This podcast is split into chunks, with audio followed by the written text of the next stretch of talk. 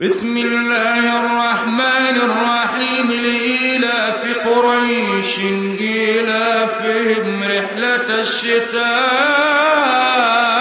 والصيف.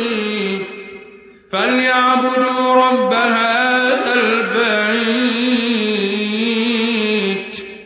الذي أطعمهم من جوع وآخر من خوف.